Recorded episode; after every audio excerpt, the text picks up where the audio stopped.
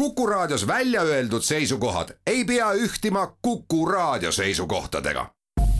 Te kuulate Kuku Raadiot. järjejutt. Juliana Weinberg, Audrey Hepburn ja Tähtede sära. kirjastuselt tänapäev. järjejutt varsti oli Audrey jõudnud vanavanemate vanasse mõisasse, milles tema ja ema olid leidnud pelgupaiga. kord oli see olnud esinduslik hoone, kuid juba pikemat aega vajas maja mõningast remonti. kahes aknas olid praod ja viimane kevadtorm oli mitu katusekivi alla puhunud. ajal, mil domineerisid sõda, nälg ja pidev hirm okupantide ees, ei olnud küll kellelgi mahti ega võimalust tegeleda selliste töödega Audrey kõht korises. tuttav õõnes tunne. lõunaks oli olnud vaid lahja supp ning ta lootis, et õhtusöögiks saab midagi muud kui see jälk hernejahust leib. siin sa oledki, laps, tervitas teda vanaisa, kes kitkus maja ukse ees umbrohtu. tule sisse, me juba ootame sind söögiga. hernejahuleib, küsis Audrey nina kirtsutades. vanaisa naeris ära tee sellist nägu, see on delikatess. terved rahvad kadestaksid meid, hollandlasi, kui nad meie maitsvast herneleivast teaksid. kohe kindlasti, pomises Audrey irooniliselt. aga selle juurde saad veidi vanaema enda valmistatud vaarika marmelaadi. lubas vanaisa ja läks koos temaga majja. noh, vähemalt midagigi Ella ja vanaema istusid juba köögis laua taga kuidas balletitunnis läks, tahtis ema teada, jagades samal ajal leiba. igaüks sai vaid ühe väikese viilu. hästi, nagu alati. hetkeks kerkisid Audrey silme ette taas stseenid suurepärasest balletietendusest, tema priimabaleriinina, kuidas ta sarmikalt ja graatsiliselt liigutustele andus. Viki ei tule enam Madame ütleb, ta olevat nii alatoitunud, et tema jaoks on tantsimine ohtlik. Ella ei vastanud, lasi aga rännata pilgul üle Audrey kondise kuju. kiiresti sidus too endale salvrätiku nina ette, et varjata oma keha ja näris peaaegu trotslikult leivakoorikut. kujuteldamatu, et ema tal tantsimise ära keelaks. balletita, millest ta lakkamatult unistas, oleks ta vaid pool inimest. kujutlus balletist aitas tal õhtul uinuda, isegi siis, kui ta oli näljane ja unistus tantsimisest juhtis ta mõtteid kõrvale päeval, kui talle meenusid tema vennad, kes olid jumal teab kus. vanaisa, kes oli samuti Ella pilku märganud, tõttas lapselapsele appi. olgu, olgu, nii kaugele asi kindlasti ei lähe, et meie Audrey enam tantsida ei saa. suvi on peaaegu käes ja vanaema aiast leiab veel midagi söödavat, eks ju? nagu selle kinnituseks lükkas vanaema marmelaadipurgi Audrey ette söö, mu laps. mul on vaid hirm saabuva talve ees. pomises vanaisa ja vaatas mõttesse süvenenult kaugusesse. sõja lõppu pole näha, talvel läheb raskeks. kui me vaid poistelt teateid saaksime, ohkas Ella. Audrey oli langetanud pea, et mitte näha valu ema silmis ta tundis iga kord, kui räägiti vendadest südames valusat torget. ka tema muretses mõlema pärast vanaisa pigistas Ella kätt. ära liiga palju oma südant vaeva, kullake. Alex ei anna alla, ta on nutikas, ta ei lase ennast tabada. lõppude lõpuks tunneb ta igat maanurka meie regioonis palju paremini kui sakslased. ja kas sa pole tema üle uhke, et ta põranda all vastupanu liikumist toetab? Ella tõmbus pingule ja võttis sisse sirge kehahoiaku Audrey näol oli segu imetlusest ja murest, kui ta jälgis, kuidas ema püüdis näida tasakaaluka ja rahulikuna. hirmu ja meeleheite hetked kestsid alati vaid lühikest aega, siis mõjus Ella jälle haavamatuna. aadlik, kelle jaoks enesevalitsus oli kõige tähtsam. nii oli teda nooruses kasvatatud ja selle oli ta andnud edasi ka Audreyle. sul on õigus, isa. muidugi olen ma Alexi üle uhke Ella ohkas ja tupsutas salvrätikuga huuli. vähemalt annab ta endast aeg-ajalt märku. aga Ian, ta vajus jälle longu. Audrey nägi ema silmis helkimas pisaraid. me pole Ianilt äh, sellest ajast saadik, kui ta Saksamaale viidi, sõnakestki kuulnud. ilmselt lasevad nad tal rügada nendes jubedates laskemoonatehastes. vanaema asetas käe lohutavalt Ella käsivarrele. Ma palvetan selle eest, et nad mõlemad tervena tagasi tuleksid. kui sinu palvetest vaid mingit kasu oleks, pomises Ella Gaudry palvetas sõja puhkemisest saati tihti, kuid juba pikemat aega ei uskunud ta ainuüksi mõtete jõusse. kes midagi muuta tahtis, pidi ise aktiivselt tegutsema. muuseas, vanaisa pistis viimase pala oma kasinast söömaajast suhu. Vastupanuvõitlejad kavandavad järgmist kohtumist. mulle anti täna teada. loomulikult peab see kõik toimuma nii märkamatult kui võimalik Neil sakslastel on ju silmad ja kõrvad kõikjal. sellegipoolest peab keegi taas informeerima poisse, kes elavad kaugel väljaspool. Audrey hüppas püsti. ma teen seda jälle, vanaisa. ei tule kõne allagi, sekkus Ella ja tõmbas tütre energiliselt toolile tagasi. Ükskord ma lubasin sul vastupanuvõitlejatele teateid viia. seejuures oleks ma hirmu kätte peaaegu ära surnud sa oled viieteistkümneaastane, Audrey, palun hoia ennast sellest eemale. aga ema, see on ju suur eelis, et olen kõigest viieteistkümnene. keegi ei oska kahtlustada, kui ma ümberkaudsetesse taludesse lähen ja talumeestele salaja teateid viin. see paistab välja nii, nagu ma lihtsalt jalutaksin või sõidaksin rattaga ringi. Toetust paluvalt vaatas Audrey otsa vanaisale, kes köhatas. lapsel on õigus, Ella kui see väike kena tüdrukutirts rattaga talude juurde sõidab, ei kahtlusta seda nähes keegi midagi. kui mina, vana mees ja Arnemi endine linnapea talust tallu käiks, oleks asi teisiti. sakslased mõtleksid kohe, et mul on mingid pahad kavatsused. luba mul seda teha, ema, palus Audrey. Ma tahaksin ka omalt poolt kaasa aidata, et see kohutav sõda varsti lõpeks. Audrey nägi, kuidas ema endaga võitles lõpuks muutus Ella kinnine näoilme veidi pehmemaks ja ta ohkas. olgu pealegi, laps, aga ma palun sind tungivalt, ole ettevaatlik, ma ei suudaks taluda, kui ka sinuga midagi juhtuks. Audrey jäi ühe marmorsamba kõrvale seisma ja silmitses uudishimulikult suurt hulka külalisi. Naiste hulgas oli tuntud ja vähem tuntud nägusid, üks ilusam kui teine kõikjal võis näha alt laieneva seeliku osaga kleite, mis vastas praegusele moele, pärleid ja kulda. taustaks mängis üks bänd Andrew Sistersi laulu I can dream, can't I, mis kuulus tol ajal hitiparaadide esiridadesse. üks väike rühm tõmbas tähelepanu. keskpunktis oli üks laineliste blondide juustega noor atraktiivne mees. Ta oli peaaegu kõigist teistest pikem ja vestles elavate žestidega ning humoorikalt, kui arvestada teiste naeru. Audrey silmad jäid hetkeks lummatult mehele pidama, siis pööras ta pilgu kõrvale ja astus avatud tiibuste juurde, mis viisid terrassile, kust avanes muljetavaldav pilk Belgraviale. kevadõhtu oli imeilus. hämarus oli hägustumas ja lahustumas tintjaks pimeduseks. no, nii üksildasena siin väljas Audrey võpatas ehmatusest ja pöördus ümber. ta ei olnud märganudki, et keegi oli tema taha astunud, nii väga oli ta vaatesse süvenenud. noor mees, kes ennist tema tähelepanu endale oli tõmmanud, seisis tema ees, klaas šampanjat käes. Audrey naeratas. ainult hetkeks, ma lähen kohe sisse tagasi. Siin väljas on väga vaikne ja ilus nagu hoiaks maailm hinge kinni, ütles noormees ja vaatas tütarlapsele oma säravate siniste silmadega nii intensiivselt otsa, et too pööras pilgu kõrvale. ma arvan, et olen teid juba korra laval näinud. kas see võib nii olla? One Wild Catis. jah, vastas Audrey, üllatunud, et mees teda tõepoolest mäletas.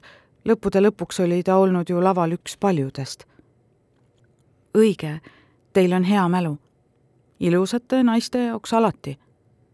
mees ulatas Audreyle naerdes käe. James Hanson, mul on hea meel teid näost näkku tundma õppida. Audrey Hepburn, ta haaras noormehe käe, mis hoidis tema kätt soojalt ja jõuliselt. rõõm on minupoolne. kas te olete ka näitleja? ei, olen pärija. kui ta tütarlapse jahmunud näoilmet nägi, naeris ta veel rohkem. andke andeks, aga mulle valmistab alati naudingut, kui inimesed nii hämmeldunult vaatavad nagu teie. seepärast ma lihtsalt pean seda ütlema, kui ma mõne uue inimesega tuttavaks saan.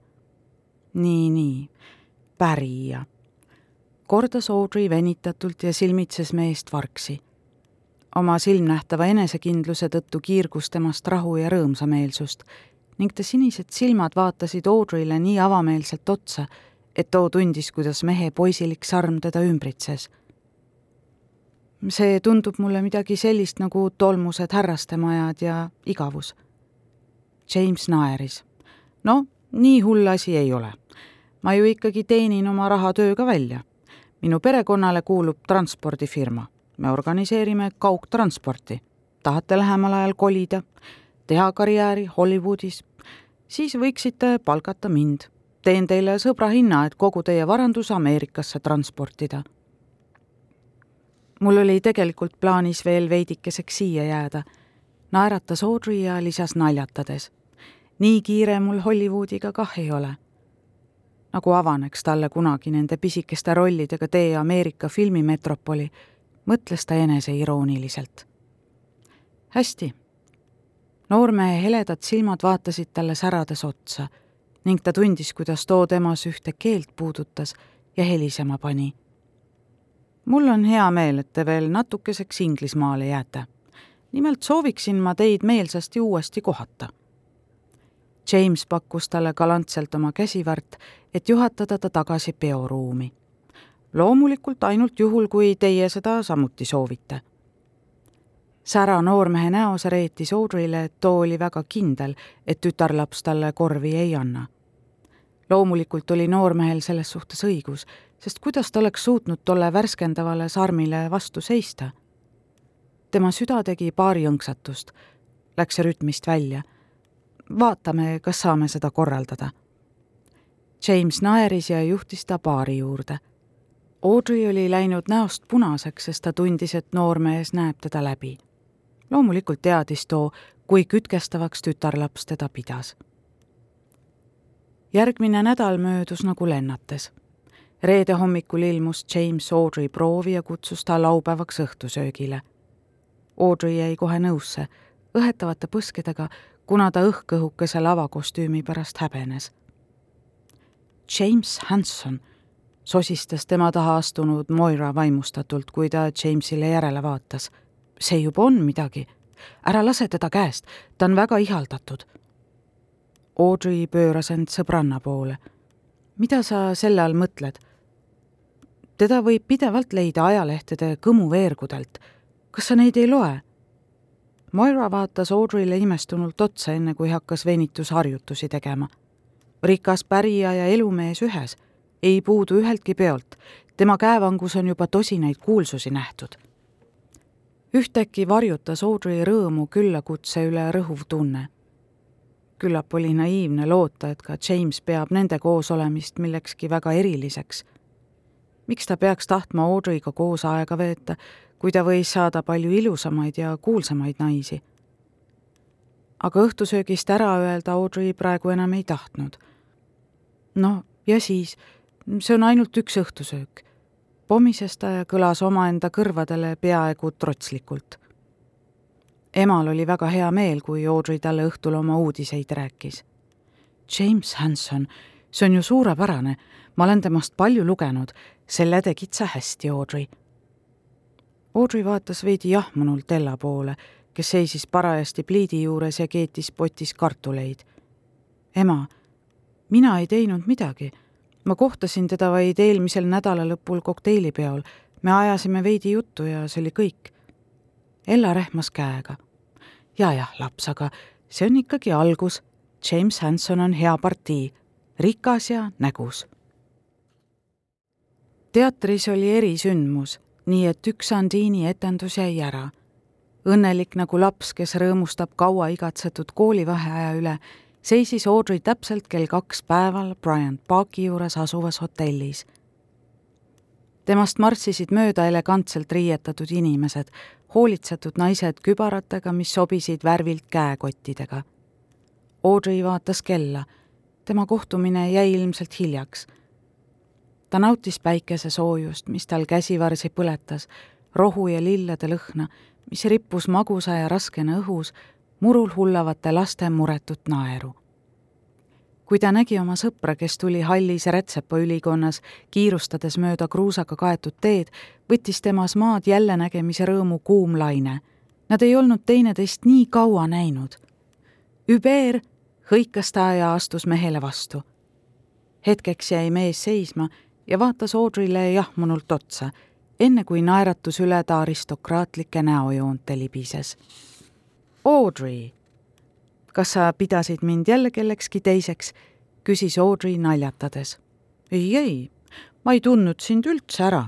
kuidas peaksin suutma selle suure vankriratta all veel ka sinu näo ära tunda? Givenchy embas naist tugevasti, hoidis teda siis endast käsivarte kaugusel ja silmitses teda hellalt. Audrey kreemikas tuppkleit oli samast riidest kui tema sama värvi kübar, mis oli tohutu suur nii et ta nägu jäi täiesti varju. ma tean, olen siin nii-öelda incognito. Audrey vaatas naerdes enda ümber igas suunas ringi, nagu otsiks ta võimalikke jälitajaid. ma tahan täna lihtsalt segamatult ringi käia, nii et keegi mind ära ei tunneks. tahan sinuga nautida igat minutit, mil sa oled täielikult ainult minu jaoks olemas. ohoh Madame Oscari preemia omanik ei saa enam uksest väljuda, ilma et teda ära tuntaks, nii või? nöökas Givenchy Audrit. kahjuks on see nii, möönis Audrey peaaegu rusutult. tõepoolest tundsid teda nüüdseks igal sammul ära täiesti võõrad inimesed, mis oli talle tihti piinlik, kuna ta ei olnud ikka veel harjunud tähelepanu keskpunktis olema. sellegipoolest nautis ta seda, kui väga tema täht New Yorgi teatritaevas helendas. Givenchy surus teda veel kord tulvil kiindumust enda vastu. mulle meeldib su tagasihoidlikkus. aitab minust, ütles Audrey. kas lend läks hästi ja su sviit Ritz Carltonis, oled sellega rahul? sel ajal, kui Givenchy jutustas, sisenesid nad Bryanti hotelli, kus pidi toimuma moeetendus, mille pärast moelooja oli ekstra New Yorki lennanud mood muutus üha rahvusvahelisemaks ning ta tahtis New Yorgis inspiratsiooni ammutada. see, et ta sai sel ajal kohtuda Audrey'ga, oli mõlema jaoks õnnelik juhus. Audrey'le meeldis Givenchy kõrval kõndida. talle meeldis mehe rahulikkus, tagasihoidlikkus. kuigi teda Euroopas tema elegantse loomingu pärast ülistati, oli ta siiski endiselt kahe jalaga maa peal Nad hiilisid oma kohtadele ühe rea ääres ja vaatasid moeetendust. modellid kitsastes pliiatseelikutes ning laiades alusseelikutega seelikutes või napilt põlvini ulatuvates kokteilikleitides sammusid uhkeldades vaatelaval. mood oli väga figuuri rõhutav ja naiselik. Audrey naeratas omaette, samas kui Givenchy igat riietuseset sosistades kommenteeris kui nende ees olevas reas kaks vanemat daami ümber pöörasid ja neid üksisilmi vaatasid, tõmbas Audrey oma kübara kiiresti sügavamale otsaesisele. ta tahtis ilmtingimata jääda tundmatuks. see päev pidi kuuluma üksnes talle ja Hüberile. pärast etendust jõid nad valge damastiga kaetud seisulaua ääres šampanjat.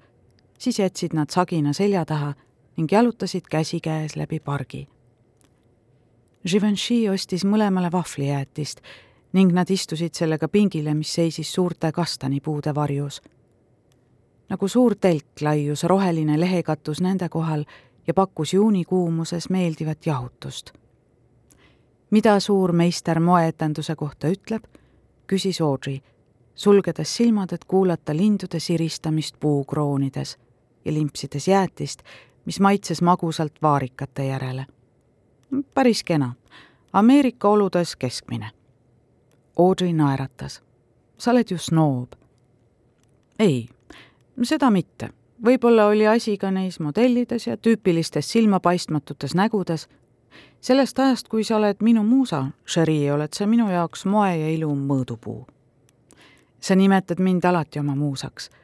ütles Audrey veidi kohmetunult. tal oli ikka veel liiga vähe enesekindlust, et võtta Givenchy'd tõsiselt. hoolimata filmides ja Broadway'l saavutatud edust, hoolimata Oscarist, mille ta oli võitnud, tundis ta end süngetel hetkedel ikka veel nagu õpilane, kelle Madame Rombe välja oli praakinud. sul on nii palju teisi kuulsaid kliente, kes sinu riietes täiuslikud välja näevad. Grace Kelly, Greta Garbo, Marlene Dietrich. Givenchy neelas oma jäätise vahvlitorbiku tipu alla ning vaatas Audrey'le lehekatuse aluses hämaruses kiindunult otsa. see on õige, aga täiuslikkus muutub pikapeale igavaks seepärast oled ja jääd sina minu muusaks. aitäh, see tähendab mulle palju, ütles Audrey liigutatuna ja toetas oma pea Givenchy õlale. veidi aega kuulasid nad üksnes lehtede sahinat ja ühe lähedal asuva purskkaevu pladinat. Kas muusa tohib sulle ühe tellimuse esitada? uus õhtukleit, aga muidugi mul on muuseas kaasas üks ekstra kohver, mis on täis kleite ateljeest ainult sinu jaoks, Sherry. kui sa mind hiljem minu hotelli saadad, saad sa kõiki neid selga proovida. Audrey puges voodisse, kõrvaltoast kuulis ta taas Sean'i virinat. tema süda oli kurbusest raske, et ei saa olla oma lapse juures. Kas see peaks terve filmivõtete aja nii jätkuma? jälle kord riidles ta endaga, et oli selle rolli vastu võtnud. kui äratuskell kell kolm helises, tõusis ta täiesti kurnatult. ta ei olnud peaaegu üldse magada saanud. hiljem näeme, Mel, sosistas ta, kuid mees tõmbas vaid mõmisedes teki üle pea.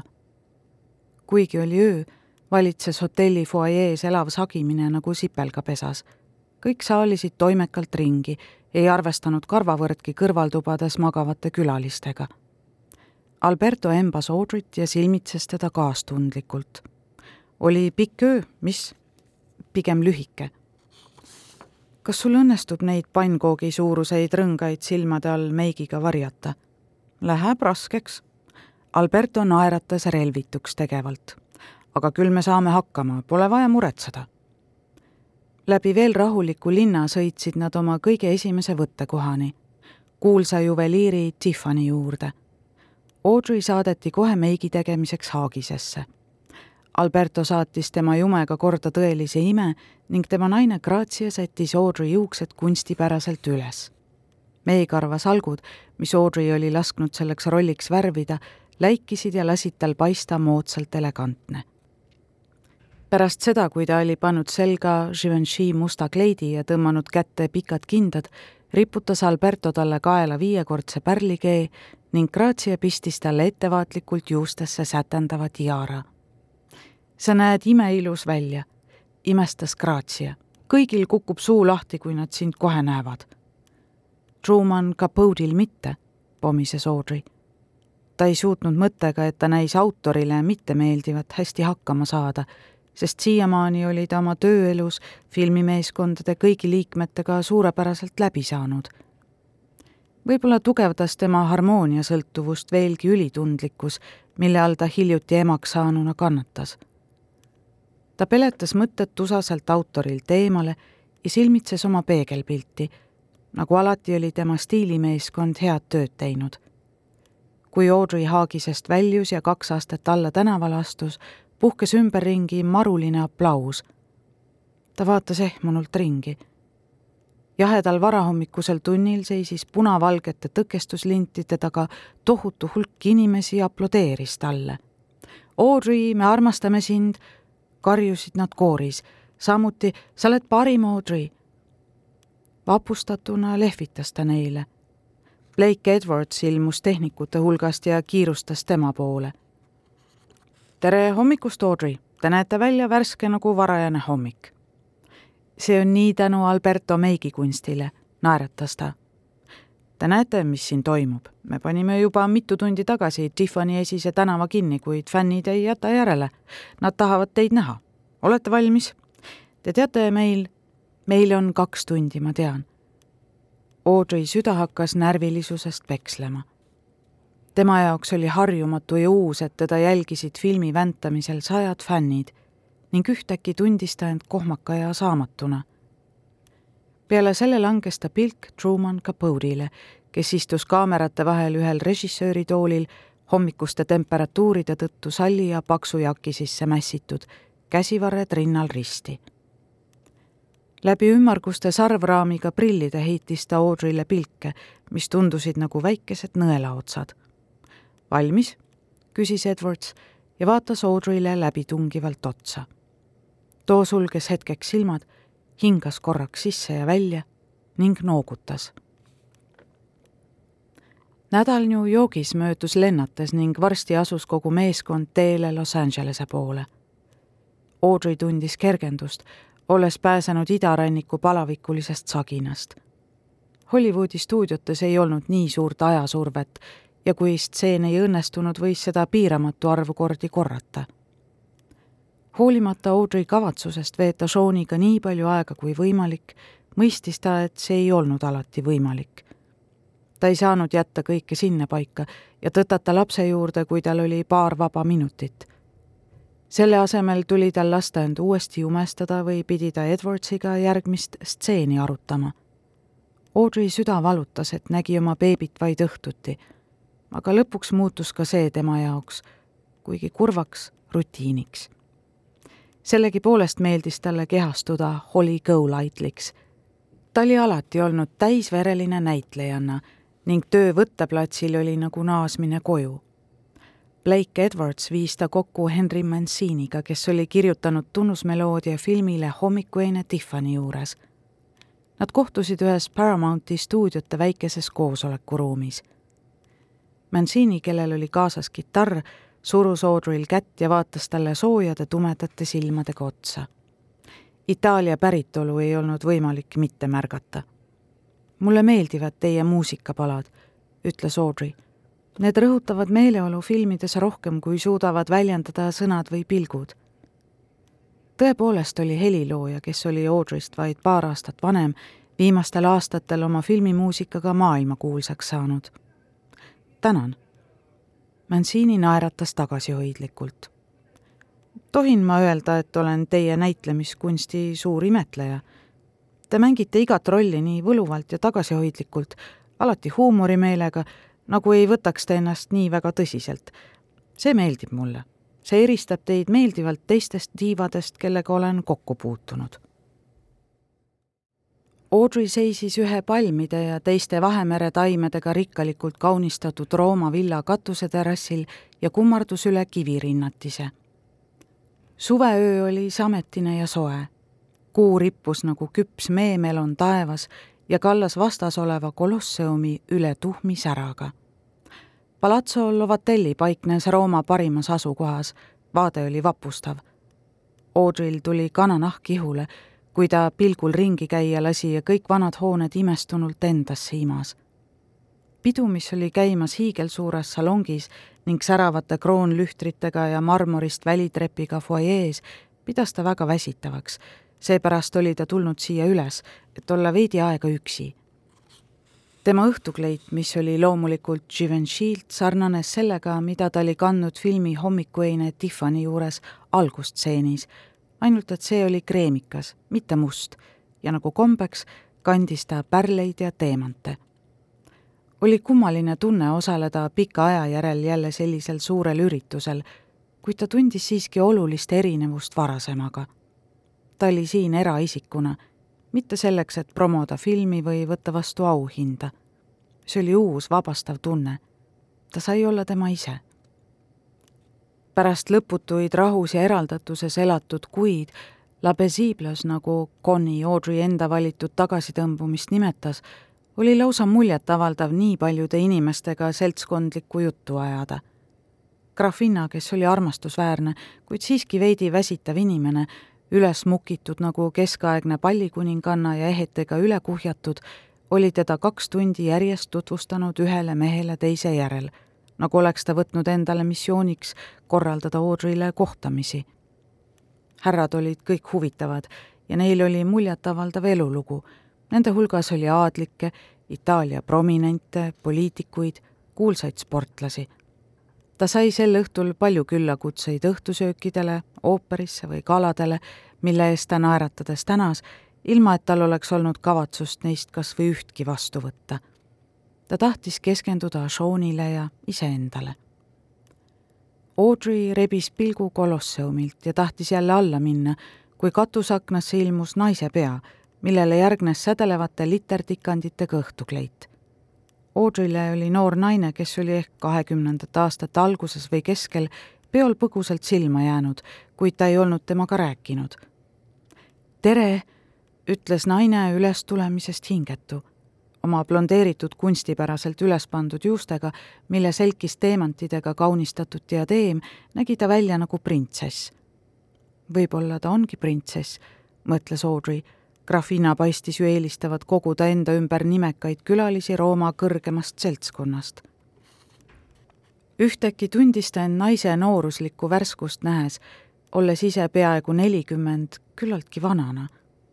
ma nägin ennist, et te põgenesite siia üles. Pidu on üpris väsitav, eks ole? kõik need vanad rikkad keigarid, kes on värske lihaotsingutel. Audrey muheles sundimatu avameelsuse üle. tahtsin vaid veidi õhku hingata. ma ei ole nii suurte seltskondadega enam harjunud. oh, ma tean teist kõike ütles noor naine innukalt. Te olete Audrey Hepburn, me kõik siin tunneme teid. mina olen Olympia Torlonia dei Principi di Civitella Cesi. Ma tean, kohutavalt pikk ja vanamoodne nimi. kutsuge mind lihtsalt Olümpiaks. mul on hea meel teiega tuttavaks saada. Audrey ulatas talle käe, mille noor aadlidaam vastu võttis ja seda minutite pikkuselt hoidis. ja kui rõõmus ma olen kuulge, ma tean, te olete Grafina juures külas ja palee on ju ka oivaline ja Grafina on hea võõrustaja, aga ta nihkus Audreyle usalduslikult nii lähedale, et too tundis tema tugevat parfüümilõhna. Grafinal on teiega plaan. tõesti? Audrey kergitas pooleldi hämmingus, pooleldi lõbustatult kulme. milline siis? me oleme siin vaid mõned päevad külas. siiski, sosistas Olümpia kuigi peale nende ei olnud katuseterrassil ühtki inimhinge. ta tahab teid tingimata mehele panna, sõna otseses mõttes. Audrey surus naeratuse alla. Olümpia nooruslik olek oli värskendav. jah, see ei jäänud mulle märkamatuks. ma tean, et see heategija võib hakata tugevasti närvidele käima, sest ta läheb oma ligimese armastusega liiale. kui teile liiga paljuks läheb, tulge lihtsalt minu jahile, me väljume paari päeva pärast, seilame Kreeka saarteni. tänan, see on teist väga kena, aga ma olen siin oma pojaga ja me, tema on loomulikult samuti teretulnud, katkestas Olümpia Audrit. Laeval oleks teil hoopis teistsugune programm, laisklemine, kokteilide joomine, päikeseloojangu vaatlemine, seal on ainult paar minu sugulast ja üks-kaks lähedast sõpra, täiesti sundimatu ja vaba olek Teil oleks vaja võtta kaasa vaid ujumistrikoo, rohkem mitte midagi. see on teist väga kena, tänan, ütles Audrey reserveeritult. ta hindas olümpia suuremeelset pakkumist, kuid ilmselt ei võtaks ta seda siiski vastu. Mõte seilata päevade kaupa võõraste inimestega ühel jahil hirmutas teda. halvimal juhul tunneks ta end nagu vangis. Polnud mingit võimalust enneaegselt lahkuda, kui ta ära tüdines ma pean jälle sisse minema, vaatama, kas pojaga on kõik hästi. näeme hiljem. jah, mõelge järele, ma oleks nii õnnelik, kui mul oleks jahil üks Hollywoodi täht. järjejutt. Juliana Weinberg, Audrey Hepburn ja Tähtede sära. kirjastuselt tänapäev. järjejutt